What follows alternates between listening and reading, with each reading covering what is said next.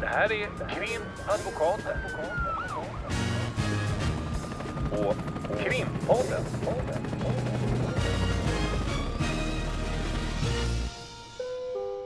Parter och ombud kallas till sal 32. Hej Lotta! Hej Ulrika! Nu är det ju eh, upptrappningen här som vi har pratat om länge inför valet. Vi är mitt i valrörelsen och eh, det är ju val, inte nu i helgen som kommer, utan helgen efter på söndagen. Mm. Eh, man kan ju gå och förtidsrösta redan. Mm.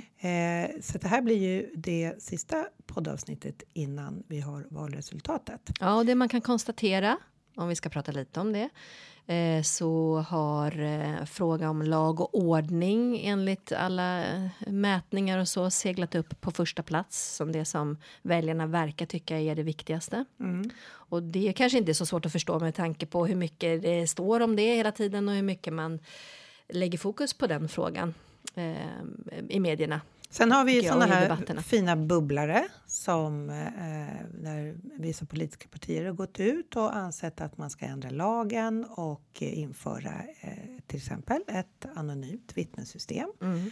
Det har vi varit inne på lite tidigare. Mm. Eh, det är ju så att musklerna är eh, stora och spända nu eh, inför slutspurten här och, och de flesta partier övertrumfar varandra i, i ganska drakoniska lagförslag. Mm.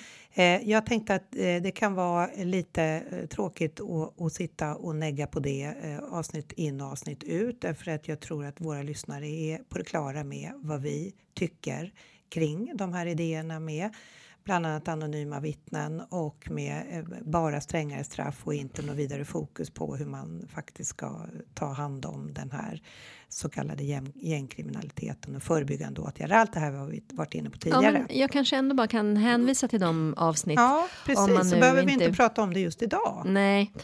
Eh, Då vill jag hänvisa till avsnitt 53. Vad handlar Där det vi om? pratar bland annat om kronvittnessystemet. Där Mm. är vi ju inte riktigt än, men, men eh, där diskuterar vi kring eh, problematiken just med anonyma vittnen, kronvittnen och så Mm. vidare.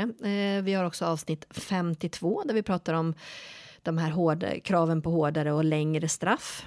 Eh, Det gjorde vi också i, i det förra avsnittet, men vi har pratat om det tidigare också. Och sen i avsnitt 45 så pratar vi om det här preventiva eh, tvångsmedel. Det här att det inte ens behöver vara någon brottsmisstanke. De För att man ska kunna göra en husrannsakan, och- avlyssning och så vidare. Det. Så att man kan väl hänvisa till det, gå tillbaka Och vad sa du, lyssna. vilka avsnitt var det? 53, 52 och 45. Bingo. Men vi, vi alltså, om man lyssnar igenom lite sådär så, så tar vi upp det då och då. Mm. Liksom. Men, men det här har vi väl fokuserat just på de här frågorna. Så att vi hänvisar till det Vi istället hänvisar för att... till det och sen knyter vi ihop säcken lite på slutet här. Vi ska inte bli långrandiga, men vad vi tänkte göra idag var ju att vi har få, vi får ju frågor på våran Mm. mail. Du kanske kan säga vad våran mailadress är? Mm, podd at krimadvokater.se. Så podd at krimadvokater.se.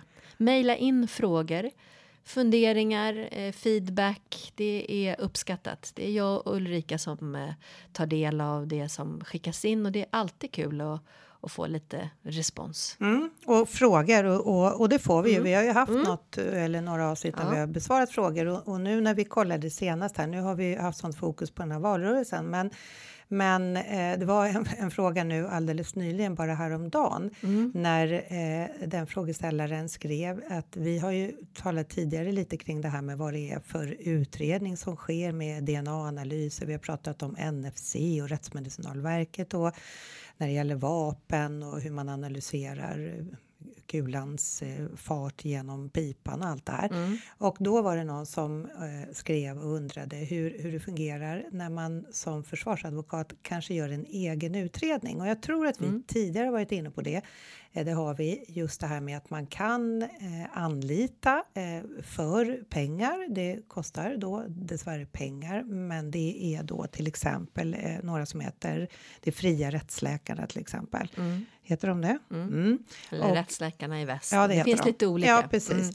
Och, och, och då... Och oftast, om jag bara bryter det men och oftast de rättsläkarna är sådana som har lämnat Rättsmedicinalverket och öppnat eget just för att vara en second opinion. Så det är ju Precis. professionella aktörer om man säger. Och då, eh, och då eh, har vi ju berört det också att det, det är ju kostnader förenat med det för klientens del och, och blir man dömd så är det väldigt svårt då att få ersättning för de kostnaderna. Oavsett det så är ju det liksom då lite på en annan nivå om man säger att man tar kontakt med, med före detta rättsläkare för att få en, som du säger, en second opinion. Eller andra ehm, utredningstekniska åtgärder, så, alltså rent kriminaltekniska utredningsåtgärder som blodstänksanalyser och så vidare. Det finns ju experter och konsulter som man kan anlita som har en, en bakgrund och erfarenhet av utredningar som jobbar på konsultbasis också. Och där är det ju vi då som försvarare som anlitar dem för vår klients räkning i försvaret av klienten. Men frågeställaren undrar också, eller undrade, eh, vad, vad gör ni själva? Gör ni liksom egna utredningar? Och då, då, då blir ju våran tanke när vi pratade om den frågan att då, då tänkte ju vi direkt att, att ja, man anlät, anlitar de här rättsläkarna eller ja, folk som har eh, på konsultbasis då utför de här utredningarna, second opinion. Men vi glömde lite bort vad man kanske själv gör. Och då eh, tänkte vi att vi kunde Ja, berätta lite ett vanligt, vanligt eh, li, kanske vad kan man säga, lite, lite enklare tekniskt sett brottmål, vad man Mm. kanske gör. Har du något exempel? Ja, men först och främst så vill jag säga att just den här egna utredningen, för min egen del så är det en av de delarna i, i själva förberedelsearbetet och arbetet under tiden som jag tycker är så jätteroligt. Att det finns något. Säg att man det är någonting som påstås ha hänt i en lägenhet. Att, att eh, få den här visuella upplevelsen av vad som faktiskt påstås. Till exempel om det finns möjlighet att åka till den lägenheten eller få en, en eh, bra skiss hur det faktiskt ser ut i den här lägenheten så att man kan angripa till exempel vittnen. Det var inte så länge sedan som jag satt i ett mål där, där det just påstås att det hade hänt en sak i en lägenhet. Och då handlar det väldigt mycket om vad ligger rummen i förhållande till varandra? Om man är i det ena rummet kan man se till det andra rummet och är det ens möjligt? Och att just i det här fallet då kunna visa på att nej, det var faktiskt inte möjligt för att de här rummen ligger liksom i, i en hall där det är där om man tittar ut genom det ena rummet så är, är det en, en vägg så att säga. Sen så kommer dörren in till andra rummet, vardagsrummet som i det här fallet då, eh, ligger så att ja, man måste gå ut ur det ena rummet för att komma in och det, det är sånt här som man måste veta det när man ställer sina frågor i, i förhören. Och där är det intressant eftersom eh, när man är försvarare så får man ju del av förundersökningen innan det väcks åtal och då får man ju också ta del av all den bevisning som finns. Det får ju både klienten göra och försvararen givetvis.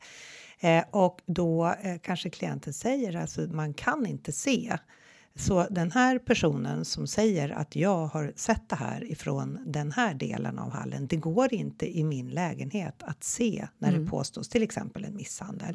Det går inte att se och då eh, har jag varit med om att man eh, kan ge in eh, till exempel en, en vanlig ritning som man kan få ma- om man har ett eget hus eller om man har en lägenhet kan man ju skaffa fram en ritning över bostaden som man ger in då för att visa att det är omöjligt eller mycket, mycket svårt att kunna se det här som vittnet säger. Och det är ju också en utredningsåtgärd, även om den inte är på, på så sätt att den eh, kostar pengar och, och man anlitar en, en second opinion person när det är lite mer kanske tekniskt DNA, vapen och så. Här är det ju mera, vad ska man säga, hands on.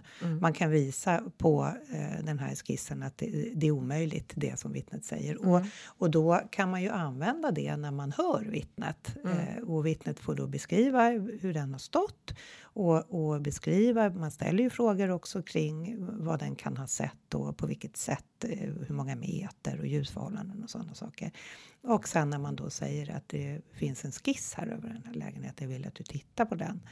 Och, säger du, och med tanke på vad du har berättat nu så nu ser vi här att det här, här är det en en eh, dörr som är fast eller en möbel som är fast. Det går alltså tekniskt sett inte att se ifrån det. Hur, hur, hur, hur tänker du då? Och då visar det sig ju då att vittnet har misstagit sig eller kanske hittar på om vad vittnet har stått. Ja, och det funderar jag mycket på. Och därför är det så viktigt att vi just kollar alla de här förhållandena som, som påstås när ett vittne... Och jag kan bara säga snabbt att jag hade ett ett fall för ett tag sedan också där det var eh, en granne som eh, menade att man hade sett vissa saker eh, på en balkong. Mm.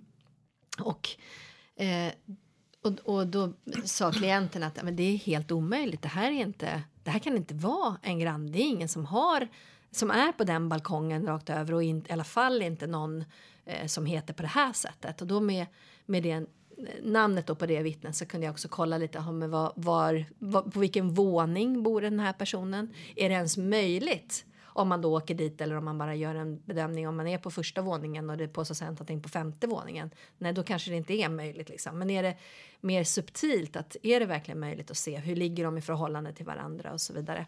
Så, så kan ju det vara och då, då talar vi om liksom. att, att det, det, det, finns ett vittne i Mm. förundersökningen med förnamn och efternamn, inte några ytterligare eh, uppgifter. Och, och då har ju vi rätt som försvarare att dels ta kontakt med det här vittnet och Mm. ställa frågor till vittnet innan rättegången. Det har vi rätt att göra. Mm. Men att du då, som jag förstår, kunde ja, via nätet antar jag, Ja, hitta precis. uppgifter om var någonstans den här personen bodde och sen kan man ju gå in via Google Earth och titta på Mm. om det överhuvudtaget är möjligt att ens, det, det kanske inte ens finns en balkong Nej. eller så eh, stämmer inte det här med, med den lägesbeskrivning som vittnet har gett. Nej, och det kan vara träd i vägen, Mm. det kan vara buskar i vägen, det kan vara massa saker. Och det, det skulle komma till att, som du sa, där, att man kan ha hittat på och så vidare.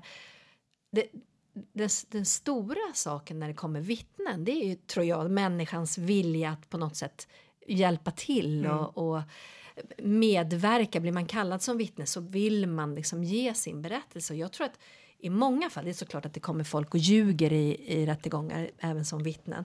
Men i inte så få av fallen så tror jag faktiskt att man har konstruerat någon sorts uppfattning. Man har skapat en har bild, man har skapat pratat bild. om en händelse, man tänker det kan ju inte vara logiskt, jag kan ju inte ha stått där, då borde jag alltså ha stått här för att Ja. se och sen är det det man berättar. Exakt, och, och det, är den, det är det vittnesmålet som egentligen är svårast att Mm. slå hål på om man säger som försvarsadvokat. För då är ett vittne som är väldigt övertygad själv, som liksom talar sanning Mm. utifrån sin minnesbild. Och det, det är det som är det svåra. Och därför är det ju jätteviktigt i vårt arbete att veta, men det här kan inte, rent objektivt är det här omöjligt.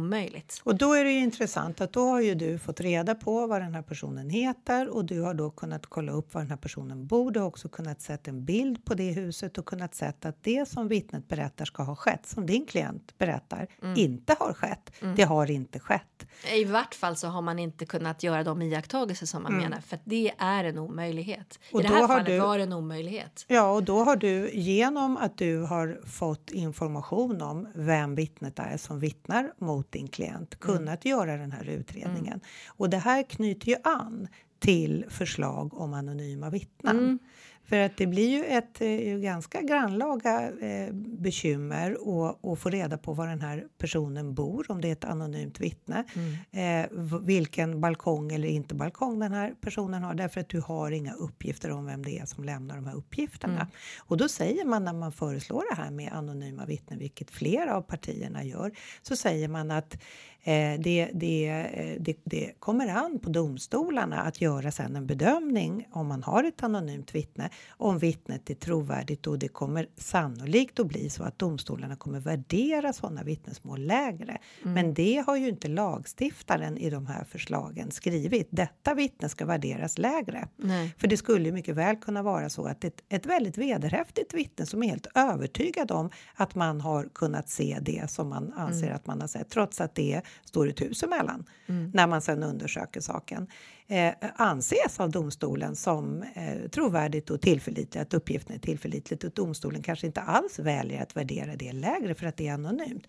Och då är det så att i ett sånt läge när man har ett anonymt vittne så hade du aldrig kunnat ta fram de uppgifterna som visade att det stod ett jättestort träd med massa löv på eller ett stort hus i vägen så att vittnet faktiskt objektivt sett inte hade kunnat se det som vittnet beskriver. Nej. Och det här är ju baksidan av förslagen med anonyma vittnen till exempel för att återgå till Ja, men exakt. Bland an- annat. Mm. Alltså, jag tänker på det du säger också, att man säger att ja, men, men eh, utifrån ett Eh, perspektiv så kommer, så kommer domstolarna att liksom göra eh, korrekta bedömningar hur, vilket bevisvärde det ska ha. Men då kan jag tycka så här att ja, men då ska det ju ha ett väldigt, väldigt lågt bevisvärde om försvaret inte har kunnat liksom utröna, är det, finns det några förutsättningar här med det här vittnet som kan påverka att den här personen säger på det sätt Och där är ju de säger. som föreslår det här är ju av den uppfattningen att det där kommer att regleras automatiskt i domstolar. Men det, det är inte politikerna som bestämmer över hur domstolar ska värdera bevis. Nej, men För det är ju upp man, till domstolen. Ja men precis, men om man då säger men det kommer regleras och då kommer det inte ha ett högt bevisvärde. Ja men då är det ju onödigt. Alltså då, varför till ska vi ha det? med. Det är bara Mm. ett, ett tom, slag i luften liksom.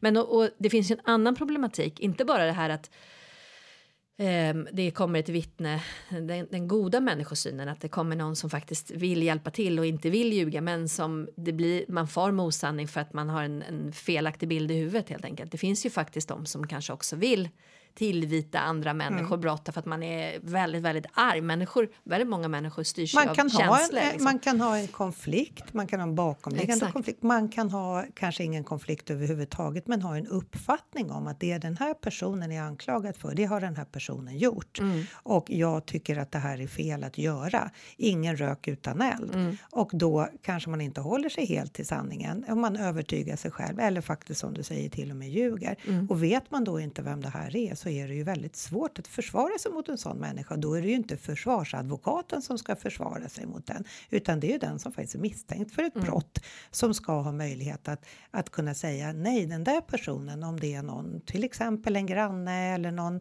Mm. släkting eller någonting som man har haft någonting otalt med under många, många år. Mm. Eh, så, så att det finns skäl för den personen att falskeligen hitta på saker eller att missuppfatta saker. Mm. Och har vi då inte, när vi sitter misstänkta för ett sådant brott, möjlighet att få reda på vem det är, det är ju eh, inte särskilt rättssäkert. Nej. Jag tänker på om vi anknyter till också den här frågeställningen vad vi gör för egna utredningar. Om vi nu är på den här nivån att, att vi, vi, vi kollar på Google Earth kring de här Mm. balkongerna eller åker ut. Det är inte så sällan om man har Nej. Du frågar om olika typer av brott och kanske då brott som just är hänförliga till olika platser, att man kan åka iväg och faktiskt kolla på den platsen. Mm. Eh, och då eh, hade jag för ett tag sedan eh, ett, ett ärende där, där det påstods att, att min klient då hade begått ett brott mot en annan människa och då fanns det ett vittne som eh, berättade att det var väldigt väl upplyst. Det här var på kvällen under hösten som den här händelsen skulle ha skett och det var upplyst och man kunde se eh, väldigt, för när jag ställde frågan då hur var ljusförhållandena då vet ju både du och jag att det är inte så sällan som man säger även om det är mitt i natten att det var goda ljusförhållanden, det var lampor där. Och då när det kom fram så visade det sig sen då att min klient så det finns ingen lampa där. Det finns ingen lampa utanför det där huset. Och då eh, kunde vi, då, mycket prat om Google Earth här, för då gick vi nämligen in på Google Earth. Och så kunde vi titta och screenshotta då bilder ifrån det här huset där det visade sig att eh, det inte fanns någon gatubelysning utanför det här huset. Och eftersom det här var på eh, hösten och det var sent på kvällen så var det sannolikt inte alls så ljust upplyst med en lampa var det inte. Det stämmer inte.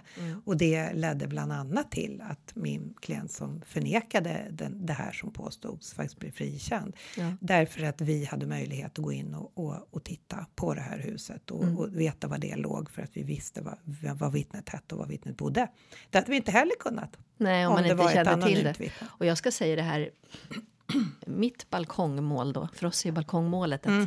ett eh, HD-avgörande som är ganska, används ganska frekvent. Men i mitt det här som jag sa, det påstås att det hänt någonting på, på balkongen så åkte jag faktiskt dit just för att eh, jag kunde konstatera att där, där den här personen bodde var ganska långt nere. Mm. Så då åkte jag dit och, och liksom tog kort utifrån eh, med mobilen, liksom, bara så att man lämnar in det. Och där tycker jag som man också ska känna till, kanske i vad gäller advokatens roll och så vidare, att vi får inte främja orätt.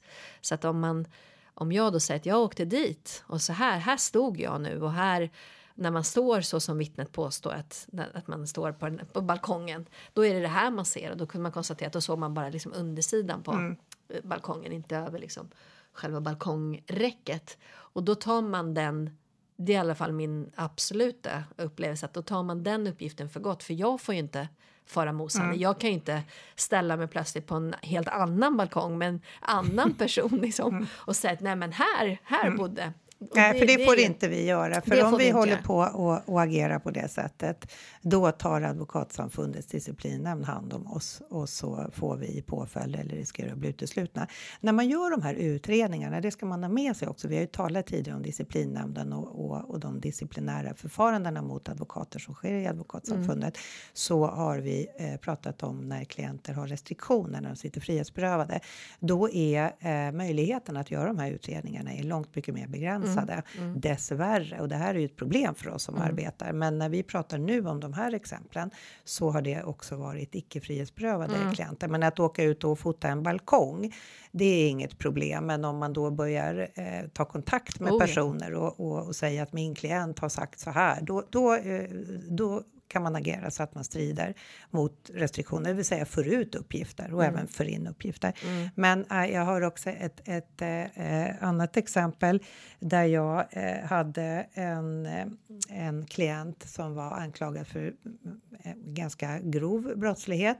Det är många, många år sedan nu och äh, jag hade inte ärendet i tingsrätten, men jag äh, företrädde den här klienten i hovrätten och när jag tog över så berättade han för mig att hon som har anmält mig för ett, ett antal olika allvarliga brott. Hon, eh, har, hon är väldigt speciell. Vi har haft en relation.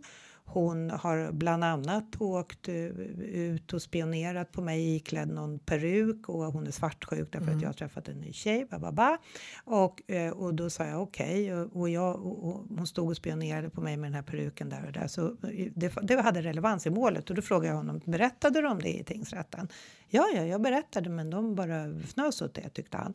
Sen satt jag, det var en sommar för massa, massa år sedan, så jag satt och lyssnade igenom. Jag seglade på en segelbåt eh, och jag satt och lyssnade igenom alla kassettbanden. På den tiden fick man ut kassettband och lyssna igenom huvudförhandlingsdagarna med då vittnesmålen. Och jag hörde också hur han berättade om det här, för det hade bäring. Jag kan inte gå för mycket in på det, men det hade bäring och jag hörde verkligen eh, nästan på kassettbandet fnysningarna och han blev avbruten. Ja, det här kanske vi inte behöver fördjupa oss så mycket i eh, och, och han blev, eh, ja, han fick inte berätta till punkt. Och då tänkte jag, det här är ju jätteintressant för att de uppgifterna han kunde lämna till mig, det var att han hade på olika sätt fått reda på vad den här peruken då som hon hade haft på sig var inköpt. Och då tog jag kontakt med den butiken och lyckades av någon flax få tag på den personen som faktiskt sålde den peruken till den här kvinnan då som han, har anmält min klient. Han dömdes jätte, jättemycket i, i tingsrätten på hennes uppgifter. Och då fick jag tag på den här eh, kvinnan som då hade sålt den här peruken till henne och berättade då. Hon kom ihåg det här även om det var några år innan. Hon kom ihåg att det var en väldigt speciell kvinna och hon kom också ihåg att kvinnan hade berättat att hon skulle använda den här peruken för att spionera på den här personen. Och det är, var ju eh, intressant. Det betyder ju inte att han inte hade begått de här brotten som han var anklagad och sedermera då i tingsrätten eh, dömd för. Men det fick ju, han blev frikänd i hovrätten sen, eh, men det, det fick ju nämligen en, en ganska stor inverkan på domstolens bedömning av den här kvinnans uppgifter om min klient. Därför att hon hade ju bara skrattat, det kunde höras, eh, åt att hon skulle ha gått iklädd någon peruk och spionerat på honom. Eh, eh, och hon hade också filmat dem i olika sammanhang för att använda utpressningssyfte, berättade han. Allt det som han berättade om fick ju en annan belysning av att jag kunde kalla det här vittnet som då i, i rättssalen i hovrätten beskrev hur hon hade kommit in och beskrivit hur hon då skulle spionera på min klient. Det påverkade ju trovärdigheten av det här, Såklart. den här kvinnan som hade anmält honom. Eh, och det var ju också en utredningsåtgärd. Så att allting är ju inte att man engagerar en second opinion för att analysera kroppsskador. Nej, men är det inte så att i näst, alltså de flesta lite mer eh, större mål så gör man någon sån här grej? Man- man att tänker nästan inte ens på det. googlar, Ja, precis. Man kollar upp och vi, vi håller på ganska mycket och det är det också som är, alltså det är ju roligt det här arbetet att man liksom kan försöka få sin egen bild av och framförallt vi, vårt jobb är att, att föra fram klientens berättelse på så bra sätt som möjligt. Och är det så att det gäller, vad vet jag, ett par byxor där man, där man säger att ja men eh, vi ser ju här att det är de här byxorna och så kanske det är ett par byxor som säljs 2000 per dag eller någonting så är det såklart en viktig uppgift i sammanhanget. Att det inte bara min klient som har de byxorna utan det, det är i vart fall 1999 till kanske som... Ja, det, det, ja, precis. Jag sa till dig innan här att jag hade en klient, det var jättelänge sedan. Han, han var frihetsberövad men utan restriktioner för det var frågan om en stöld. Han var inte hemmahörande i Sverige och då kan man bli häktad då mm. eh, i, i väntan på rättegången. Det går ganska fort från att man blir anhållen till man håller en rättegång. Mm. Och då var han anklagad för att ha stulit ett par eh, dyra gympadojor. Och då var eh, kostnaden för gympadojorna var eh, högre än, alltså det fanns ju, på den tiden var det 800 kronor, nu tror jag det är 1000 mm. eller 1100 mm. som är gränsen för snatterigränsen i butikstillgrepp. Mm. Och då så eh, var han då åtalad och misstänkt för eh, att han skulle ha då stulit, alltså en stöld. Mm. Därför att det gick ut över det här beloppet. Och han sa till mig, jag, han var inte svensk, jag hade tolk, han sa till mig, de, de kostade 699 typ. Mm. Eh, och då sa han, du, du kan gå och fråga. Eh, och jag köpte dem på XXL på Hamngatan, tror jag mm. det var. Så då tänkte jag när jag ändå skulle ner mot Kungsträdgården och göra något helt annat så tänkte jag jag piper in i den där affären mm. och frågar du de här dojorna med det här märket, mm. eh, vad kostade de den här den här dagen? Mm. Ja, de har ett ordinariepris på 1175 eh, men eh, just de här tre dagarna var de nedsatta till 699, vad mm. det nu var det som klienten mm-hmm. sa. Och då hamnade vi under gränsen för stöld och då eh, dömdes han, han hade erkänt, men då dömdes han då för snatteri. Mm. Och hade jag inte pipit förbi den här XXL eller inte brytt mig om vad klienten sa, för klienten var stensäker. Det fanns givetvis inget kvitto för han hade ju snott de här dojorna. Mm. Men hade jag inte kollat upp det och mm. skitit i det här och tänkt det här var ju bara ett, det här var inget allvarligt brott. Vad, vad, vad är det här? Ja, jag får gå på vad åklagaren säger. För det fanns ju dokument från butiken om att de här skorna var mycket dyrare. Mm. Men mm. det var ju inte just de dagarna han hade snott nej, dem. Nej. Så hade jag inte gjort den lilla utredningen mm. så hade han blivit dömd för ett allvarligare brott. Mm. Och, och sen, det där är ju sånt som vi gör utan ens tänka på det. Jag tror det och, och, och i det stora och i det lilla och just de här små grejerna mm. om man nu ska säga att det är en liten grej att gå till en affär och sådär det, det kör vi liksom hela tiden för att det, det tror jag också är kanske inte alls speciellt med det här yrket men man går ju och, och eh, processar målen. Ja, man funderar ju. Man funderar, ja, kan det stämma och när klienten säger så här? Ja, och, och, kanske ändå ska kolla det och mm. tänk om det är så här och nu också med, med med nätet, att man kan sitta och googla fram massa grejer och då kanske det är att man går någonstans och kollar eller man kontaktar någon eller ringer kundansvarig. Ja, jag vet, jag var inne på någon krog, jag knackade på en krog eh, där det var, eh, var frågan om en våldtäkt inne på en toalett och då så, och gick jag också förbi. Då hade jag en intention att jag för min klient sa det, det går inte att göra den våldtäkten på den mm. toaletten. Mm. Det, det, går inte. Mm. På så sätt den var beskriven mm. så var inte det objektivt sett möjligt. Eh, eh, men det påstods då att det var en mycket större toalett, typ som en handikapptoalett. Mm. Och då eh, knackade jag på den här krogen någon gång vid kanske sex på kvällen. De hade ju inte öppnat ännu då mm. och säga god dag, god dag. Jag skulle vilja, finns det möjlighet att jag får titta på den här toaletten när ni har här? Mm. Då var de väldigt misstänksamma och tyckte det var jättekonstigt och det, du får inte komma hit utan polis och, och jag sa det, jag är ju bara försvarare. Jag kan väl gå in och kolla lite här och mm. fota lite med min mobil. Det jag ska inte anmäla er för någonting och så där. Mm. Så efter mycket om och men och mycket misstänksamhet mm. så fick jag i mm. alla fall. Jag skämtade med honom och sa jag är jättekissnödig nu efter den här långa diskussionen. Kan jag inte få gå in och kissa? Eh, det slutade i alla fall med att jag fick möjlighet att gå in och fota den här toaletten och kunde använda det då som bevismaterial och ge in de fotona. Mm. Och, Lyssnar man på det? Då? Ja, det gjorde man. Mm, mm. Så att det, så det, ibland har det ju mm. jätteviktigt att man visar att det här är objektivt sett omöjliga mm. påståenden. Liksom. Det är såklart. Och det Alltså, skulle vi dra in experter i sådana? Ja, det, det går ju inte. Liksom. anlita en arkitekt som ska komma och, och, beskriva. Men sen ska man ju också ha med sig att, att om klienten säger, jag hade ett annat ärende, det gällde också eh, våldtäkt eh, där det skulle ha skett en våldtäkt i en bil. Mm. Eh, och min klient sa, det var hans bil, han sa detta är inte möjligt. Jag har inte gjort det här, det går inte att göra det. Så som hon, den här tjejen, mm. beskriver det här, det är inte fysiskt möjligt. Mm. Och då eh, var ju bilen i beslag därför att den var en del av, av brottsupplägget. Och då hade vi istället en rekonstruktion på plats. Mm. Så att då fick min klient satt häktad. Då, då fick vi åka iväg med eskort och poliser som då fick spela med samma kroppsform som min klient och samma kroppsform som målsäganden. Så fick mm. de då knöla in sig i den här bilen. Och så fick målsägandena vara med med sitt målsägandebiträde och jag var med med min klient. Och så, eh, jag ska inte säga, jag är inte helt hundra på att han faktiskt var med. Jag minns inte det, men jag var ju med som hans försvarare. Och då fick vi då instruera poliserna. Det kommer jag ihåg, det var väldigt intressant därför att då, då var ju målsäganden med och stod utanför och vi pratade ju in i bilen. Och så Ja. ligg där och stå så där och gör så här. Och då vet jag att målsäganden och målsäganden beträdde, men man kan mycket väl ligga så här och de försökte instruera de här poliserna. Jag minns det också som att poliserna var vä- väldigt välvilligt inställda till eh, målsägandens olika alternativ. Det här spelas ju in då på en videofilm Ja. och om inte det där gick så ville målsäganden ändra till att det var nog så där det gick till så att hon försökte liksom få bilen att fungera utifrån sin ursprungliga utsaga. När det inte gick så ändrade hon sin utsaga och sen så eh, ja, han blev faktiskt frikänd på den punkten. Det var flera punkter, men den punkten blev.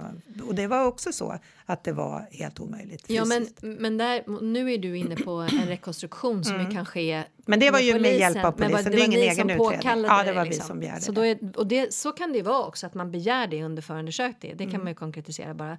Och det, och det händer ju ibland att man säger men, men enligt vår uppfattning är det här omöjligt och då vill vi ändå påkalla en rekonstruktion Mm. och då kan man göra på det här sättet och då filmas det och poliserna är med och så vidare och då är det med i förundersökningen. Men Mm. och då åberopas det av försvaret. Ja, men exakt. Och jag, jag vet att jag har fått nej på det vid något tillfälle. Att man inte ville göra en, en rekonstruktion av olika skäl. Att man tyckte att det var omöjligt och så vidare. Och då använde jag två av våra kollegor här på byrån istället. Och så fick, fick de, och så, så filmar man med vanlig mobilkamera. Det är såklart, det blir inte lika proffsigt och snyggt som när polisen gör. Och då får man ju heller inte den här Alltså som i ditt fall att man kan höra då att men då ändras berättelsen. Det kan man ju också visa på att det kan ju tyda på att det är, det är en, eh, ett påhittat händelseförlopp liksom. Men, eh, men eh, det kan man ju också använda. Alltså att man använder sina egna statister eller huvudaktörer som då var advokater. Eh, Så det är ju faktiskt ganska roligt. Och då är det ju så att, att eh, det, om man pratar om möjlighet att göra utredning för då, då vi ska ju avsluta strax här för just knyta ihop den här säcken, det har vi redan gjort, att det är ju väldigt svårt att att bedriva en, en utredning även om man ber polisen också göra olika saker. Men, men om det är så att man inte vet vem den här personen är. För eh, om klienten säger att det är omöjligt att det här kan ha hänt för att jag har inte varit ens på den platsen. Och är det då ett anonymt vittne och vi begär att det ska göras utredningsåtgärder när vi inte har kontroll över vem den här personen är. Så även om de utredningsåtgärderna leder till fördel för åklagaren så finns det ju då en risk för oss att vi sätter klienten i en dålig situation. Och det får vi ju inte göra enligt vårt advokatupplägg. Men hade vi då kunnat också få reda på att den här eh, klientens motpart då, eller vittnet faktiskt har ett horn i sidan till klienten så hade vi kunnat ha en förklaring till varför man har beskrivit det här på det här sättet och att det kanske såg annorlunda, ut just den dagen eller den dagen. Det kanske hade huggits ner i träd efter den här dagen men det vet inte polisen när de kommer till platsen. Nej, exakt. Och då brukar man ju säga ifrån politikerhåll och när man diskuterar det här i olika debatter att ja, men det ska bara gälla de absolut allvarligaste brotten. Alltså läs gängkriminaliteten, skjutningarna. Det är det, allt det handlar om. Så glömmer man att det får liksom konsekvenser även för andra typer av brott.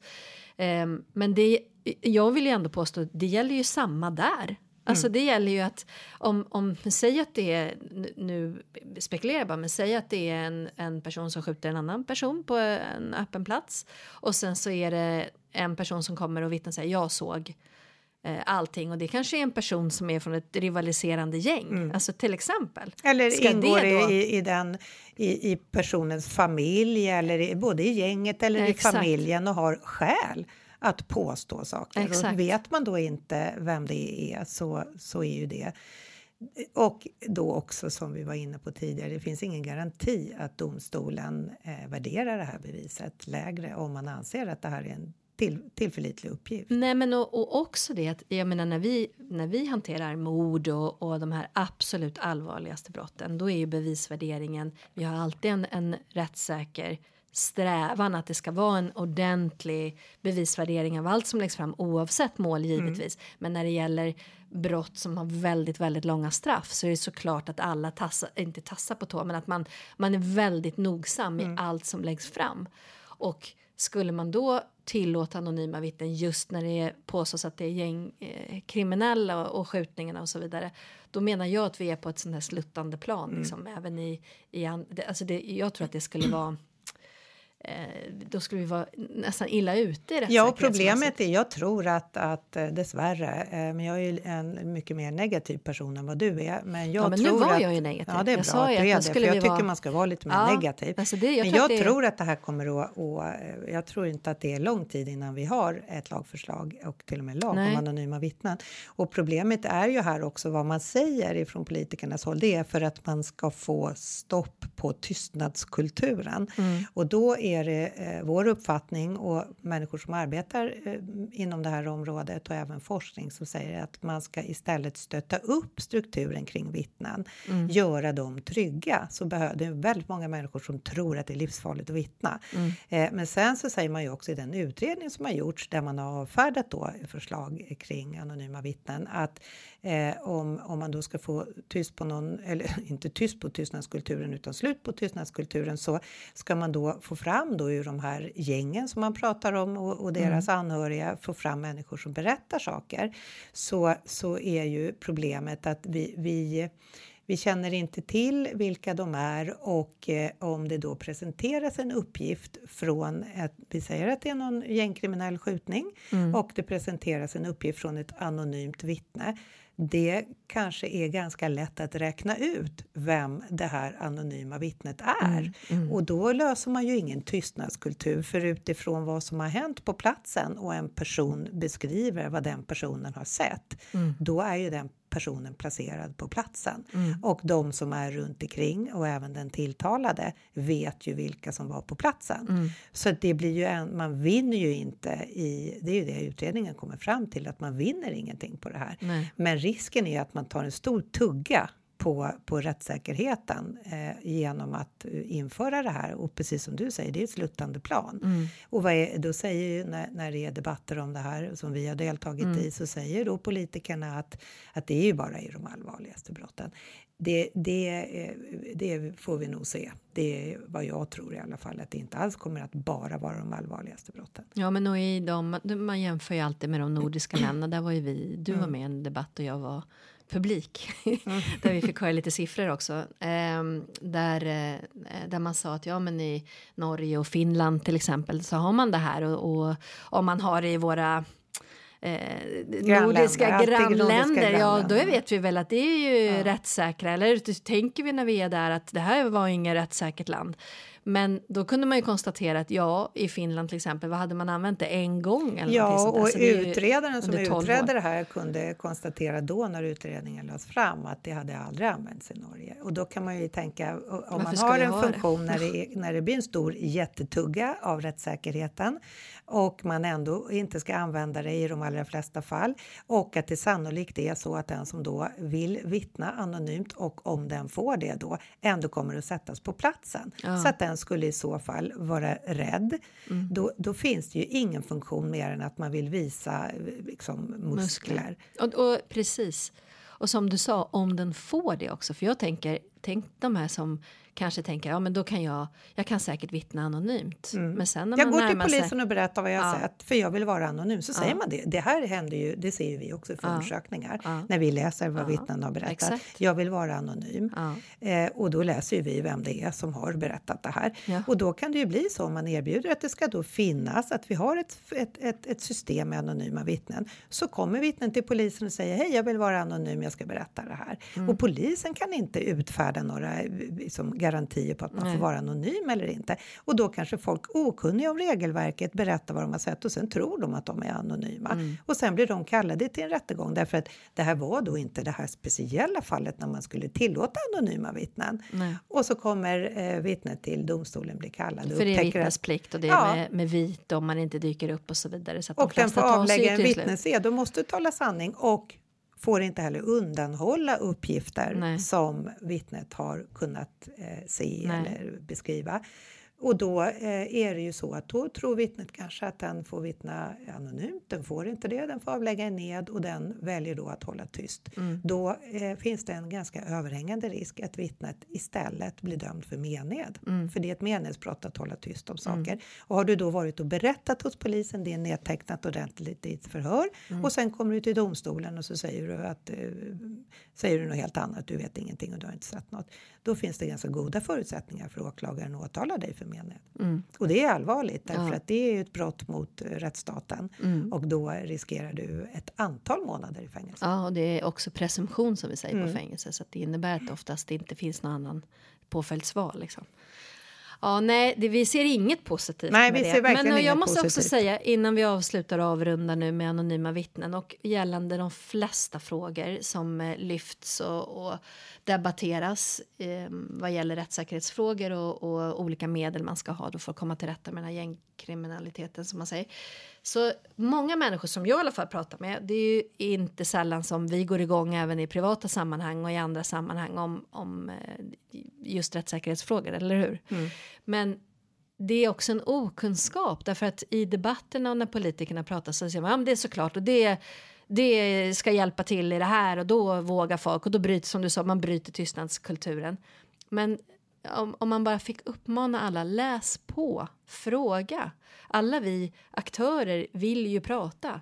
Fråga, är det här verkligen? Försök tänk vidare liksom. Vad blir det mer? Vad blir konsekvenserna? Och jag tänker alltid koka ner det till att det är du som blir misstänkt. För det kan faktiskt hända. Du blir Ja. misstänkt för ett allvarligt brott. Ja. Eller för de allra flesta människor, nu, vi är ju lite förhärdade, Mm. men om en, en, en, vanlig så att säga människa blir misstänkt för att den har slagit sina barn, det blir väldigt allvarliga konsekvenser för den personen. Det blir socialtjänst och det blir det ena och Mm. det andra.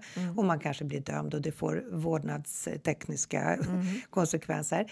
Eh, och det, eh, man tänker att eh, så det, om jag blir drabbad av att jag oskyldigt blir anklagad och satt på den åtalades bänk i en domstol skulle jag tycka att det kändes okej och rättvist att jag inte får veta vad det är för bevisning som läggs emot mig. Exakt. Så att jag riskerar att dömas och med alla de konsekvenserna det blir. Så fundera, läs på och gå och rösta. Och lyssna på vår podd. Och lyssna på vår podd. Såklart. Och skicka frågor. Ja. Podd at krimadvokater.se. Super, då avslutar vi för idag. Det Hej gör då! vi. Tack. Hej. Krimpodden.